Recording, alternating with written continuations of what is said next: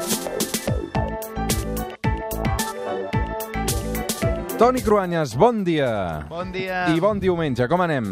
Bé, una setmaneta intensa, però vaja, estem una mica empantanegats amb el judici, la campanya electoral, Sí, el Brexit, però res no acaba d'avançar, eh? Ah, de fet, la campanya electoral eh, no ha començat encara.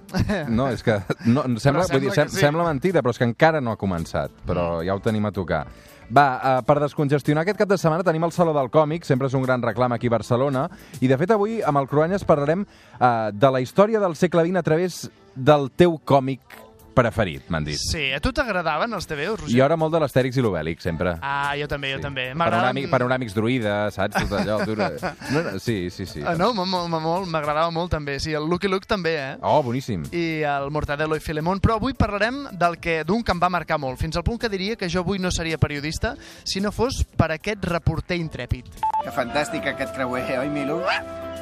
Ara ve al canal de Suez, després fem escala a Aden, Bombay, Singapur... Hong Mític Kong. i legendari Tintín, personatge del qual se n'han fet pel·lícules, se n'han fet sèries, però eh, que evidentment és un còmic eh, que ha fet 90 anys ja, no? Sí, al gener del 1929, Georges Remy, que és conegut com a Hergé, va publicar Tintín al País dels Soviets. Era sense colors i per entregues, dins d'una publicació seriosa d'informació general.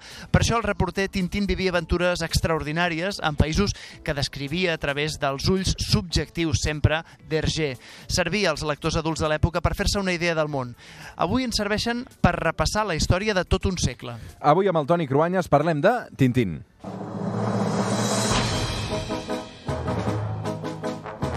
De fet, aquesta era la sintonia mítica de la sèrie de dibuixos animats, eh, tot un referent Tintín per molta gent, eh, també amb un punt molt polèmic, eh, de fet ara eh, recentment l'han acusat fins i tot de racista, sobretot per, per aquell capítol de Tintín al Congo, no? Sí, perquè Hergé va fer els seus dos primers llibres per encàrrec del director del diari Le XXe siècle, que era anticomunista i que tenia una visió colonialista del Congo. Primer va retratar la Unió Soviètica com un país dictatorial en què s'adoctrinava la gent, on no hi havia llibertat d'expressió, la gent patia fam.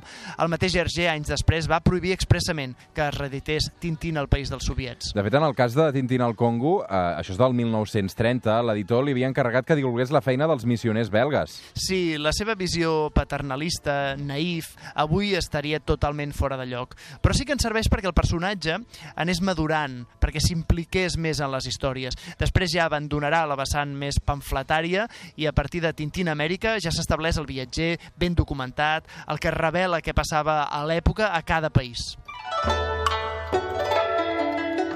De fet, no parava. Hem passat per la Unió Soviètica, pel Congo... Amb el Lotus Blau va viatjar fins a la Xina. En aquest cas sí que denunciava el colonialisme occidental. Sí, Hergé va conèixer en persona un jove xinès que estudiava a Brussel·les i això li va obrir les portes al coneixement molt acurat, molt precís dels sentiments dels xinesos. Recordem, eh, estem parlant del 1934, abans de la Segona Guerra Mundial, i després que els xinesos ja haguessin patit la guerra de l'opi provocada pels britànics, que volien entrar al mercat xinès, i també acusant l'expansionisme dels japonesos. En aquest llibre tots els dolents són blancs o japonesos. En canvi, els xinesos apareixen com a bona gent, pagesos i comerciants innocents. Hi ha fins a 24 llibres diferents, 24 còmics diferents de Tintín, però les àrees del món on més viatja són l'Amèrica Llatina i el Pròxim Orient. Sí, Tintín al País de l'Or Negre és tota una premonició de la lluita internacional pel control del petroli que marcaria la segona meitat del segle XX, però Hergé ho va escriure, ho va dibuixar a principis del segle XX. Tintín viatja en aquest cas a un país amb un emir despòtic i un fill capritxós, l'Abdalà, el que el capità Haddock volia passar per l'adreçador. Aquest llibre va patir també un canvi d'escenari per exigències d'un editor. Primer passava a la Palestina prèvia al naixement de l'estat d'Israel i els suposats terroristes que posaven bombes eren organitzacions jueves, però a partir de l'any 1969 una nova versió canviava l'escenari, el portava a un emirat imaginari, el Golf Pèrsic. De fet, el Carnaval també és un dels principals protagonistes de Tintín i els Pícars. Sí, amb un general Alcázar que és tan alliberador com dictador i que ja dibuixat el 1935 podria ser avui doncs, Castro, Pinochet o Mar Torrijos o potser Hugo Chávez.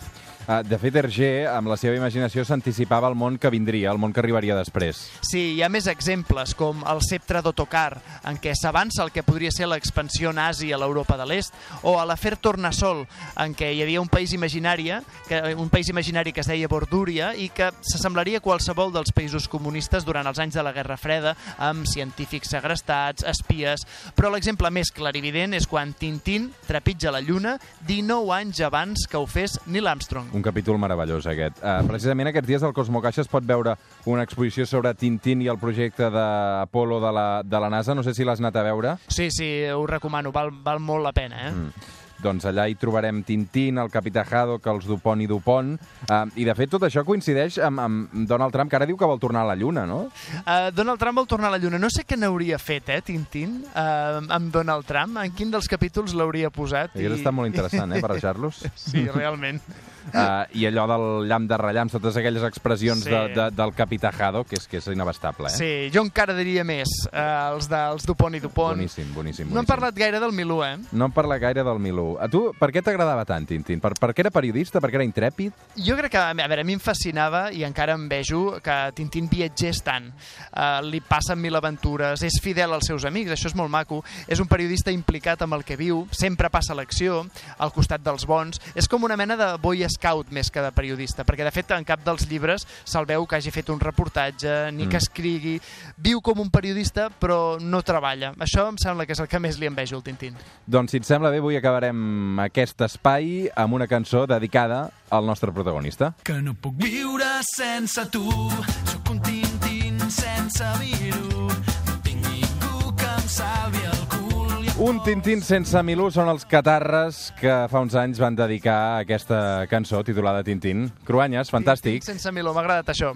Que tinguis molt de bon diumenge. Que vagi bé. Una abraçada.